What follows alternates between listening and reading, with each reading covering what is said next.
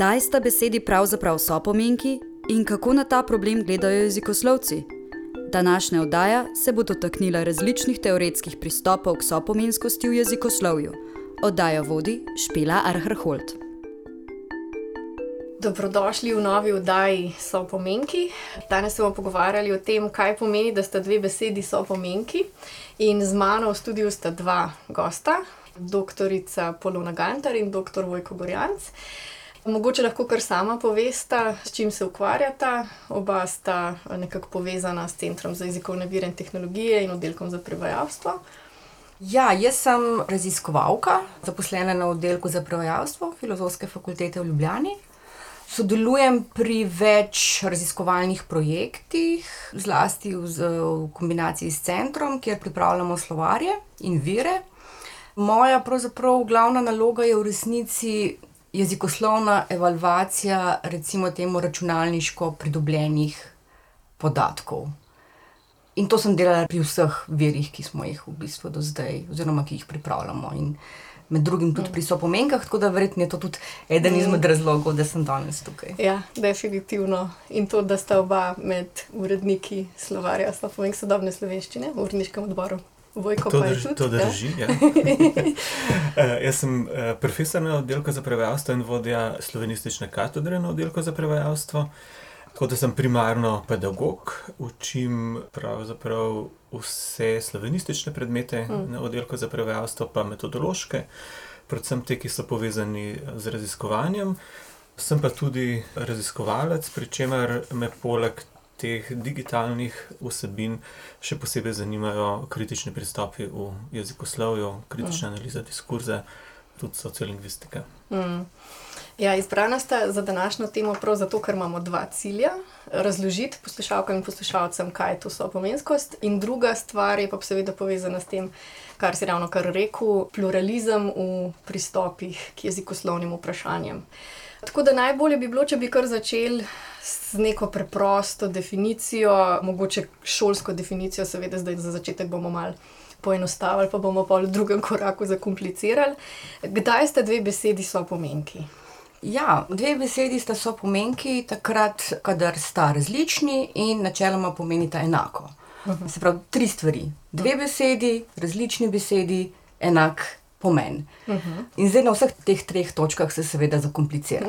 Zakomplicira se seveda predvsem, ko se začnemo jezikoslovci s tem ukvarjati. Ker dejstvo je, da je eh, sopomenskost eh, pač fenomen, ki ga uporabljamo vse čas in predvidevam, da zelo uspešno. Mislim, jaz ne vem, če je kdo naredil že kakšno raziskavo, koliko nesporazumov je bilo zaradi neuspešne uporabe sopomenskosti, ampak ljudje to počnemo v bistvu vse čas. Um, tako da rekla bi, da imamo mogoče jezikoslovci večji problem s sopomenskostjo kot dejansko govorci.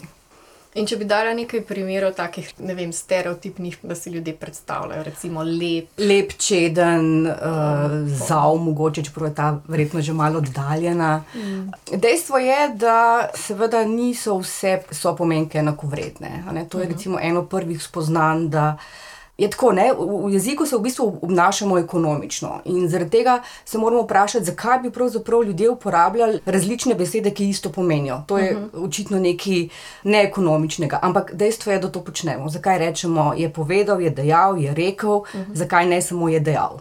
In to seveda dejansko potrjuje to, da očitno ta potreba v jeziku obstaja. In hkrati odgovarja na to, da absolutne sopomenskosti v resnici ni, ker vsakeč, ko uporabimo neko drugo besedo, je to z nekim namenom. Verjetno želimo vsem nekaj povedati drugače. Mm. Torej, nek, neka situacija nas žene v to, da dejansko uporabimo drugo besedo.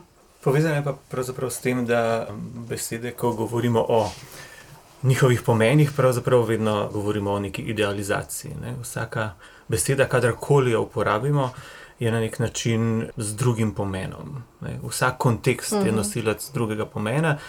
Tako da potem, ko primerjamo dve različni v različnih kontekstih, je seveda logično, ker tudi ena sama v različnih kontekstih pravzaprav nikoli ne pomeni čisto identično istega. Ne? Ampak potem pa ne, znotraj nekega postopka slovaropisnega, ko delamo slovarje, se moramo zavedati, da poskušamo priti do neke idealizacije in rečemo, ta pa pomeni to in to v resnici. Pa vsakič, ko se pogovarjamo, se pogovarjamo o pomenu in na nek način je naš pogovor danes tudi tukaj neko pogajanje o tem, kaj. Kaj, kaj pomeni vsaka od besed? Omenil si kontekst. Ne vem, če vsi poslušalci in poslušalke vejo, kaj v resnici pri sopomenskosti, kakšno težo ima kontekst. Zdaj smo tukaj nekaj primerov, ki sicer mogoče ne govorijo točno o tem, kar si ti izpostavil, ampak govorijo o neki večpomenskosti. Sopomenk, recimo močan, silen, gre za neko fizično moč, potem pa naprimer močan in sopomenka žareč. Recimo za svetlobo, za neke vizualne dražljaje, ali pa imamo recimo močan, zmogljiv za računalnik, ali pa močan, debel, kot nek eufemizem. Recimo. Mislim, je to, kar, o čemer si govoril, je to ta kontekst ali še kaj več. V bistvu je odvisno, kako spet razumemo kontekst. Uh -huh. Spet se pogovarjamo o tem, kako razumemo. V kontekstu najširšem smislu, ne samo zdaj so besedilo, uh -huh. ampak torej situacija, v kateri uporabimo kdo je udeleženec te situacije, se pravi, prilagajamo se konkretni govorni situaciji in v tej govorni situaciji je odvisno, kdo so naši sogovorniki, uh -huh. smo se pogovarjali, koliko so stari, ali gre za profesionalni diskurs, ali gre za nek pogovor ob kavi. Seveda, takrat uporabljamo različne besede. In eh, tukaj smo imeli en kup takih, kjer so enkrat povezane z različnostjo situacij, drugič so povezane z bolj strokovno rabo v razmerju do splošne rabe. In vse to je pravzaprav ta širši pomen konteksta. Mm. Ja, jaz bi rada poudarila, da naš pristop pri predstavitvi so pomen v tem slovarju izrazito temelji na kontekstu. Mm -hmm. In glede na to, da mi se v prvi fazi pripravljamo gradiva avtomatično, je zelo pomemben tudi ta, ne, prav res sobesedilni kontekst, ne, ne samo takega vojka omenja, ki je tudi zunaj jezikovni, ampak dejstvo je, da bolj ko je sobesedilo dveh besed podobno, večja verjetnost je, da sta besedi sopomenki. Se pravi, večja verjetnost je, da jih bomo lahko brez dodatnih nesoglasij v kontekstu zamenjali. Uh -huh. In zdaj, če si izpostavlja ta krepek in uh, močan, ne, je zelo zanimivo videti, če pogledamo prav slovar, da imamo eh, krepko juho, imamo krepko enolončnico, imamo krepko zaušnico, imamo krepko klofuto. Uh -huh kjer se lepo kaže, da sta seveda krepek in močan v teh kontekstih so pomenki, ampak tudi te, ki se so pojavljajo, so med sabo so pomenke. Enolončnica, juha, uh -huh. zaušnica, klofuta. Uh -huh. In na drugi strani, ne, mislim, da si rekla močan, pa žareč. Uh -huh. Zdaj je enaka informacija tudi v slovarju, da imamo močne, pa žareče barve, svetlobo, sonce, mislim, da je tam tudi naveden, medtem ko je samo močna konkurenca. -huh. nikoli ni žareča konkurenca. konkurenca ja. in tako naprej. In se mi zdi, da, da ta vidik sopomenskosti, ki smo ga mi vzeli kot eh, ključni kriterij pri predstavitvi, je zelo pomemben tudi v povezavi s kolokacijami, kar je pa seveda že druga zgodba. -huh. Kaj pomeni, da so sopomenke lahko zaznamovane? Eh, če govorimo o tem kontekstu in o tem, da v slovarju kažemo neke sopomenke, so nekatere lahko neutralne, nekatere so zaznamovane, to je odvisno od konteksta in načina, kako jih ljudje uporabljajo. Ja, mislim, jaz mislim, da se tukaj v bistvu odpira cel diapazon teh sopomenskih uh eh, -huh. Mhm. parov. Ne? Če smo na začetku ugotovili, da te absolutne sopomenskosti ni, da pa hkrati so nekatere te povezave bolj trdne od drugih, lahko seveda ugotovimo, da da, da moramo v bistvu nek, uh, se sami kot jezikoslovci odločiti, kaj, bo, kaj bojo naša merila sopomenskosti. In ko, ko omenjam te diapazone, imamo tukaj prvič razmerje med besedo in besedno zvezo. Uh mhm. -huh. Torej, a morata biti res samo dve besedi, ja. ki vzpostavljata sopomenskost, ali je tudi stara mama in, in babica, babica. lahko uh, sopomenka. Druga stvar je, se pravi, ta dodaten, dodaten pomen, ki ni absoluten, je lahko naravni, narečna beseda, uh mhm. -huh. standardna beseda. Lahko je naravni sleng, standardna beseda, uh mhm. -huh. lahko je naravni to, kar si omenila, se pravi, določeno so pomensko zaživi samo znotraj nekega strokovnega uh mhm. -huh. področja. Ne? Se pravi, ta diapazon je seveda zelo velik, vprašanje pa je, kje ga zamejimo. Težko bi govorili o sopomenskosti pri dveh besedah, kot sta institucija in inštitucija. Ja. Lahko se pa tudi dogovorimo, pa rečemo, da to sta sopomenski besedi. Vprašanje je, ali gremo preko stavka, ali rečemo, zvečer bomo organizirali piknik, ali pa ko se bo spustil mrak, bomo organizirali piknik.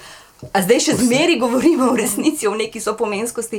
Skratka, to so v bistvu vprašanja, ki so nekako dogovorne narave, vedno pa potekajo znotraj nekega jezikoslovnega konsenza v resnici. V bistvu v različnih šolah in različnih jezikovnih okoljih je izrazito različno definirana sopomenskost. Ne? Ponekod uh -huh tudi tipično, recimo v češkem eh, jezikoslovju, na katerega se slovensko veliko krat nanaša, je so pomenskost tudi na ravni stavka, se pravi sprememba besednega reda. Mm. Torej, sosed kosi travo vsako nedeljo, ali pa vsako nedeljo kosi mm. sosed mm. travo, že razumejo kot sopomenskost. Ne? Tako da tudi to bi lahko, tako daleč bi lahko šli, ampak mm. ne gremo. Ne? Mogoče se vrnemo samo še k tej zaznamovanosti. Mm -hmm. Mi smo navajeni, spet v našem okolju in v slovenščini na nek način vso to nezaznamovanost ne, opazovati najprej v razmerju jezikovnih standardov, vsega nestandardnega, in potem seveda znotraj standardnega jezika povezujemo zaznamovanost z nečem, kar je nek dodaten pomen, ne, s katerim. Pravzaprav vnašamo razmerje do govorca. Uh mhm. -huh. Če rečemo obilen, debel, ne, imamo že precej različen odtenek tega, kaj hočemo o človeku sporočiti. Čeprav je oboje znotraj standardnega jezika. Uh mhm. -huh. Pravzaprav je, je zaznamovanost, ki jo, ki jo še najbolj čutimo kot zaznamovanost, ker jo uporabljamo v razmerju do drugega, do sogovorca. Uh -huh. Odprl si že vprašanje, oziroma dal si primer različnih pogledov na sopomenskost. Polona, ti si imela predstavitev enkrat, v kateri si nekaj teh primerov teorij povzela? Mogoče kakšna, kakšne bistvene razlike, ki se jih da na enostaven način povedati? Mislim, da je teh osnovnih uh, treh stvari, ne, ki sem jih na začetku omenila, nekako je konsens. Ne, dve besedi, uh, različni in uh, enak pomen. Zanimivo je to, ne, da vedno, ko se teoretično lotevamo nekega problema, ga želimo, kako rekla, omejiti. Zaradi tega, ker nam je potem lažje ga definirati in tako naprej. In ena izmed takih možnosti pogleda na sopomenskost je, da enostavno govorimo samo o leksikalni sopomenskosti. In potem nas v bistvu ta kontekst več ne zanima. Ne zanima nas, ali je potrebna identična zunajjezikovna situacija, ker je to, a, niti ne zanima, ali gre stvar preko besede, ker je to stvar skladna in mhm. rečemo, da to pač ni več naš problem. To je eden izmed takih pristopov. Ta drugi je izrazito kontekstualni, o katerem smo v bistvu z Vojkotom govorili in to je tudi naš pristop. Zanimivo je recimo tudi ta, da naj bi bila sopomenskost mogoča samo takrat, kadar se dve različni besedi nanašate na istega referenta. Ne, mhm. se pravi, da imamo v stvarnosti nek pojav, osebo, ki jo lahko poimenujemo z različnimi različnimi besedami, ampak če se nanaša na to pojavnost, potem sta besedi so pomenki. Vendar vsi ti koncepti imajo pač neke dobre in slabe strani. Ta zadnji, ki sem ga omenila, je recimo problematičen takrat, ko jaz recimo svoji eh, mami rečem mama. Moj oče je pa njen mož, pa ji reče ja. žena. Uh mhm. -huh. In zdaj, a sta zdaj te dve besedi dejansko so pomenki, referent je pa isti. Uh. -huh. In še ja, več drugih pristopov k obravnavi sopomenskosti, sigurno je tudi glede na namen, recimo izdelava teh ontoloških mrež, predvsem za računalniško obdelavo, mm. za izdelavo teh pomenskih tehnologij in tako naprej. Ampak konsens na, nek, na nek način je znotraj teh treh. Premis, ki naj bi jih so pomenskost imeli. In znotraj teh treh premis je slovar sopomenk sodobne slovenščine, si rekla, izbral kontekstualni vidik, ja. ki v slovenskem prostoru prej ni bil še aktualiziran s tako vrsto slovarja, in nekako se zdi, da v slovenskem prostoru nimamo zelo veliko različnih izkušenj. Kako recimo ti kot eh, predavatelj. Pred množico navdušenih mhm. študentov, ki verjetno morajo slišati, eh, da obstaja več različnih pogledov, eh, na kakšen način jim to razložiš, kako sprejemajo, kje so izzivi. Zdaj, tako, to je najslabše, kar se jezikovni skupnosti lahko zgodi, po mojem mnenju. Torej, da ima uh, samo en jezikovni vir, zaradi tega, ker uh mhm. -huh. začne v ta jezikovni vir verjeti, tako kot v nekaj religioznega. Ne? Uh mhm. -huh. Se pravi, to je absolutna avtoriteta. Zdaj, seveda, pri študentih je bistveno lažje. Ne? Še lažje je pri mojih študentih, zato ker na prevajalstvu, za razliko recimo od slovenistike, imamo študente, ki se poleg slovenščine vedno soočajo še z dvema jezikovno-kulturnima okoljema. Torej, poleg slovenščine in angliščine, še z enim tretjim, in so na nek način navajeni na to, da je v različnih jezikovnih okoljih pristop do jezikovnega opisovanja, do gradnje virov različen. Torej so se jim pravzaprav ne zdi situacija, ko imajo na voljo več virov, nenavadna. Prej se jim zdi nenavadna slovenska situacija, uh -huh. ko imajo na voljo samo en vir. Uh -huh. Medtem ko smo v tem našem okolju navajeni na obratno, ne? na to, da imamo eno slovnico, da imamo en slovar, da imamo en slovar so pomenk. In v takem primeru, pravzaprav, veliko krat se vzpostavlja tudi diskurs, da zdaj, ko že nekaj imamo, je smo to naredili, da je moramo narediti raje nek drug vir, ne pa se ukvarjati z nečim podobnim. Ne. Mislim, da je slovarstvo pomen tukaj ne, pomemben ravno zaradi tega, ker je se sopostavil enemu drugemu konceptu uh, sopomenskosti v slovenskem prostoru in na ta način pokazal, da obstaja več, da lahko uh -huh. ljudje izbirajo med različnimi koncepti in da ugotavljajo, kaj jim je bliže, kaj jim je bolj uporabno in tako naprej. Ne? In če bi prišli enkrat v situacijo, ko bi imeli vsaj dve slovnici, mhm. referenčni, vsaj dva slovarja, bi, bi seveda tudi o jeziku razmišljali drugače, zato ker bi videli, da opis ni absoluten, ampak je uh -huh. lahko z različnih zornih kotov različen in se potem kot govorci med temi odločamo. Na to je v bistvu vprašanje, na kakšen način kritično razmišljati o jezikovnih virih in tudi o jezikoslovju. Se pravi, kritično razmišljati o metodologiji in odločitvah, je verjetno težko, res, če imaš samo. Tudi, če imaš problem v izobraževanju, ker mhm. pravzaprav se ta. Vse to vleče skozi izobraževanje, že osnovno šolsko izobraževanje, srednje šolsko izobraževanje, ker se pravzaprav na nek način tudi zaradi tega, ker imamo samo po enega od virov, ne, vedno ta je sam mm. po sebi referenčen in hkrati se v šolskem sistemu navadimo na en način pogleda na jezik. Naloga se mi zdi univerzitetnega izobraževanja je ravno obratna. Ne, pokazati pluralnost mm. pristopov. In vzpostavljati kritičen odnos do različnih pristopov, hkrati pa potem tudi dopuščati študentom, da se sami odločajo, Je pa res, ne? vsi, ki jim predavamo, smo pa verniki nekega uh, koncepta. Ali pa mogoče ne, nismo verniki, smo navdušeni nad enim bolj kot drugim in to, to se na konec koncev v pedagoški praksi gotovo pozna. Ne? Če nam je nek, nek koncept bližji, če, je, če meni koncept eh, kritične lingvistike bližji, bo, bom tam veliko bolj najbrž prepričljiv kot takrat, ko bom govoril o strukturalizmu. Mm. In zdaj ena izmed teh novosti, do katere se mora slovenska jezikovna skupnost na novo opredeljevati, zato ker je prvič to na mizi in si lahko ogledajo, je sodelovanje skupnosti pri razvoju in nadgradnji slovarja. Mi smo se načrtno odločili, da bomo ta model preizkusili na slovarju Sopomenk, ker je sopomenskost, tako se nam zdi, zelo dobro področje, ki omogoča to vrstno sodelovanje. Lahko mogoče polno razložiš, zakaj bi ravno so pomensko. Ja, eh, ni na ključe, ne, da je mm. prvi v tem nizu eh, tako imenovanih odzivnih slovarjev, eh, slovar so pomenk. Odzivni slovar je tudi slovar kolokacij in tudi mm. pripravljamo vsaj še dva vira, ki bosta imela svoj tip odzivnosti. Ampak zakaj je prav sopomenskost v resnici zelo primerna za vključevanje skupnosti, prav zaradi razloga, da se dogaja v kontekstih, ne, v zelo različnih kontekstih. In lahko kasneje povem še kaj o jezikoslovni evalvaciji teh sopomenk, ampak.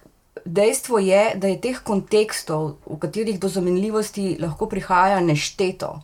In samo uporabnik, ne, ki recimo v mhm. našem slovarju išče rešitev za svoj problem, pozna svoj kontekst in lahko o tem res nekaj reče hkrati pa lahko iz svoje lastne izkušnje, kot prevajalec, seveda tudi doda neko sopomenko, ki v njegovem kontekstu zaživi in s tem pripomore. Zaradi tega se mi zdi, no, da je ravno sopomenskost ena, ena boljših eksperimentov v resnici v tej smeri odzivnih slovarjev. In to v bistvu na nek način postavi v prvi plan vprašanje uporabnosti precej bolj kot slovar, ki smo jih navajeni. Se pravi, če mi ponudimo uporabniku v presojo, kaj ga je v določeni, v dolo, pri določeni jezikovni zadregi rešilo, kaj mu je pomagalo. To pomeni, da dobivamo dejansko povratno informacijo o uporabnosti v jezikovnih problemih. Absolutno. Mislim, da dobimo ve veliko različnih informacij. Ne? Ena je seveda ta, v kolikšni meri je eh, vir uporaben, po drugi strani dobimo tudi informacije o tem, v kolikšni meri se uporabniki so pripravljeni na nek način angažirati uh -huh. in vzeti ta jezik za svoj. Ja. Se mi zdi, da je to tudi zelo, zelo dragoceno, ne? ker briše se zdaj ta meja med neko inštitucijo, ki je avtoriteta, in uh -huh. uporabniki, ki ne smejo nič reči in lahko samo uporabljajo vir tak, kot je. In če ni uporaben, pravzaprav nimajo možnosti to povedati. Uh -huh. Tukaj pa lahko povedo, da nekaj ni uporabno, in drugič, seveda, ga dogradijo na ta način, da bo za njih bolj uporaben, in najbrž, če bo za njih, bo tudi še za koga drugega. Uh mhm. -huh. Razvoj slovarja od skupnosti mhm. -huh. za skupnost. Mhm. -huh. Se pravi, ponudimo neke izhodiščne podatke, nadgradnja pa poteka v sodelovanju. In to sodelovanje, vsaj za enkrat je naš, naša izkušnja, je zelo konstruktivno. Se pravi, ljudje, če prepoznajo vrednost tega modela, konstruktivno sodelujejo. Ampak verjetno lahko gre tudi kaj narobe. Smo, mislim, o tem smo veliko debatirali. Lahko bi šlo. Lahko bi šlo, posod lahko gre kaj narobe. Lahko bi bili uporabniki teoretično zelo namerni. Ja, mislim, mi, mi nismo tako naivni, da ne bi mm. se zavedali vseh teh možnosti. Ampak se nam je zdelo v izhodišču ključno, da to možnost sploh damo. Ne? V bistvu res gre tukaj za nek bolj demokratičen pogled uh mhm. -huh. na jezik. Se pravi, če te možnosti zaradi nekih črnih scenarijev nimamo, potem pač izgubimo tudi to, da lahko jezikoslovci se na koncu odločimo v zvezi s posameznimi primeri, ampak vedno imamo zdaj možnost, da se odločimo v konzultaciji z uporabnikom. Ves čas nas spremlja to vprašanje, ali so v resnici uporabniki dovolj kompetentni, da delajo slovar, oziroma ali bomo zdaj kar ulici prepustili, da delajo slovar, kje so pa zdaj tukaj leksikografi. In tukaj moramo mogoče res omeniti to našo jezikoslovno evalvacijo, kjer smo tri jezikoslovci smo pregledali iste sopomenke z treh različnih vidikov. Se pravi, sopomenskost je ustrezna, sopomenskost ni ustrezna in pa spremljiva. In pokazalo se je, da v 60 primerih se strinjamo, da je neka sopomenskost ustrezna, približno v 20 primerih se strinjamo, da ni, 20 je pasivnega polja. Se pravi, tukaj pa rabimo več presojevalcev v resnici o tem, ali je nekaj ustrezno ali ne. In zaradi tega se nam zdi ta povratna informacija.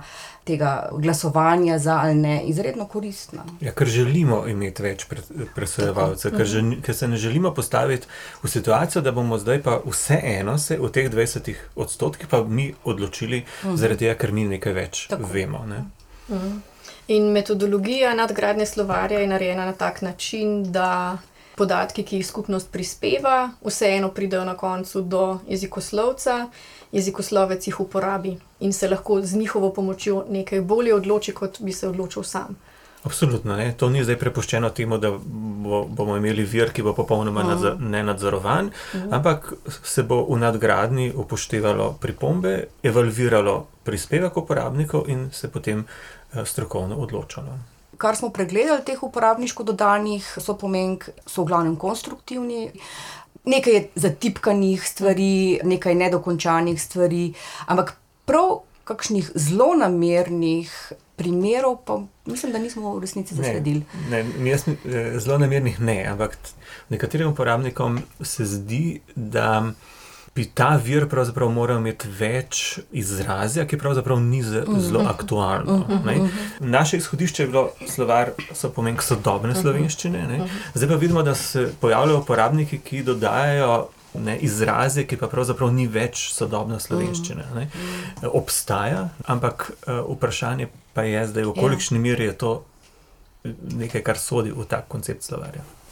No, jaz mislim, da ena od naslednjih nalog pri objavi naslednjih različic tega slovarja bo tudi preverjanje dejansko realnega obstoja teh dodanih sopomenk v sodobnih besedilih. No, za naše ciljne uporabnike je verjetno v vsakem primeru zelo dobrodošlo, da imajo na voljo čim širši diapazon besedišča, tudi za narečno, arhajično in tako naprej. Vprašanje je samo, na katero mesto znotraj Mhm. jezikovnih Tako, virov, ja. različnih Ja. jezikovnih virov to ponudimo. Ta pluralnost je seveda vedno dobrodošla. Ne? Če pa želimo dati tudi to informacijo o sodobnosti, ne, je pa moramo poskrbeti, da bo to vir uh, sodobnih informacij. Ne? Na nek način to zagotavljamo s povezljivostjo, z referenčnim korpusom. Večkrat ste že prej omenili, da je ta slovar poseben v tem, da omogoča prehod iz sopomenk v kolokacije, in potem prek tega lahko uporabnik vedno pride do izhodiščnega vira. eh, Jezikovnega gradiva do referenčnega korpusa, kjer potem lahko opazuje širši kontekst, eh, si ogleduje, kdaj, kdo je to napisal.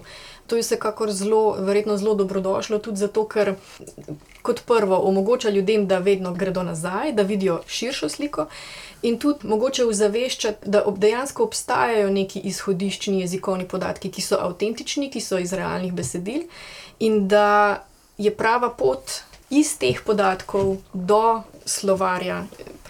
Mislim, da se tukaj vedno postavlja to vprašanje, v kolikšni meri se pričakuje ta jezikoslovna intervencija oziroma uh -huh. interpretacija. Uh -huh. ne, tukaj je tudi stvar odločitve. Mi razmišljamo o tem, da bi vendarle nekatere besede dodatno uh, ovrednotili v smislu šla, slabšalnosti, zastarelosti ali kakorkoli že. Je pa res pomembno to, da se to razdvoumljanje, ne, ali je nekaj zastarelo ali je stilno zaznamovano, vedno dogaja eh, pri viru. Tudi ali gre za napako, v bistvu lahko ugotoviš takrat, ko greš nazaj mm, v korpus. Se mi pa zdi še ena stvar, ki jo mogoče tak princip vzpostavlja in v slovenski jezikovni skupnosti mogoče ni znan, in to je sprejemanje odgovornosti. Do svojega lastnega jezika. Ni nekaj, kar bi mi jezikoslovec do konca povedal, to je uporabno, to je absolutno Prav prav narobe. narobe. Ampak imam dovolj informacij, da lahko sam se odgovorno odločim, kako bom to uporabil, ali bom ali ne bom, ali mi koristi ali ne. a ne. In to se mi zdi, da je dejansko v slovenskem prostoru, kar se tiče priročnikov, nova stvar. Meni se ne zdi tako zelo pomembno, da uporabniki imajo ozaveščeno to, kako pridemo do jezikovnega opisa. Uh -huh. Meni se zdi z vidika uporabnika predvsem pomembno to, da ima možnost zelo enostavnega prehajanja med različnimi izhodišči glede jezikovnega opisa. Digitalni medij pravzaprav omogoča to, da nimamo več ločenih opisov, tako kot smo jih imeli prej na polici, mm. ker smo imeli en slovar, ki smo mu rekli, ne vem.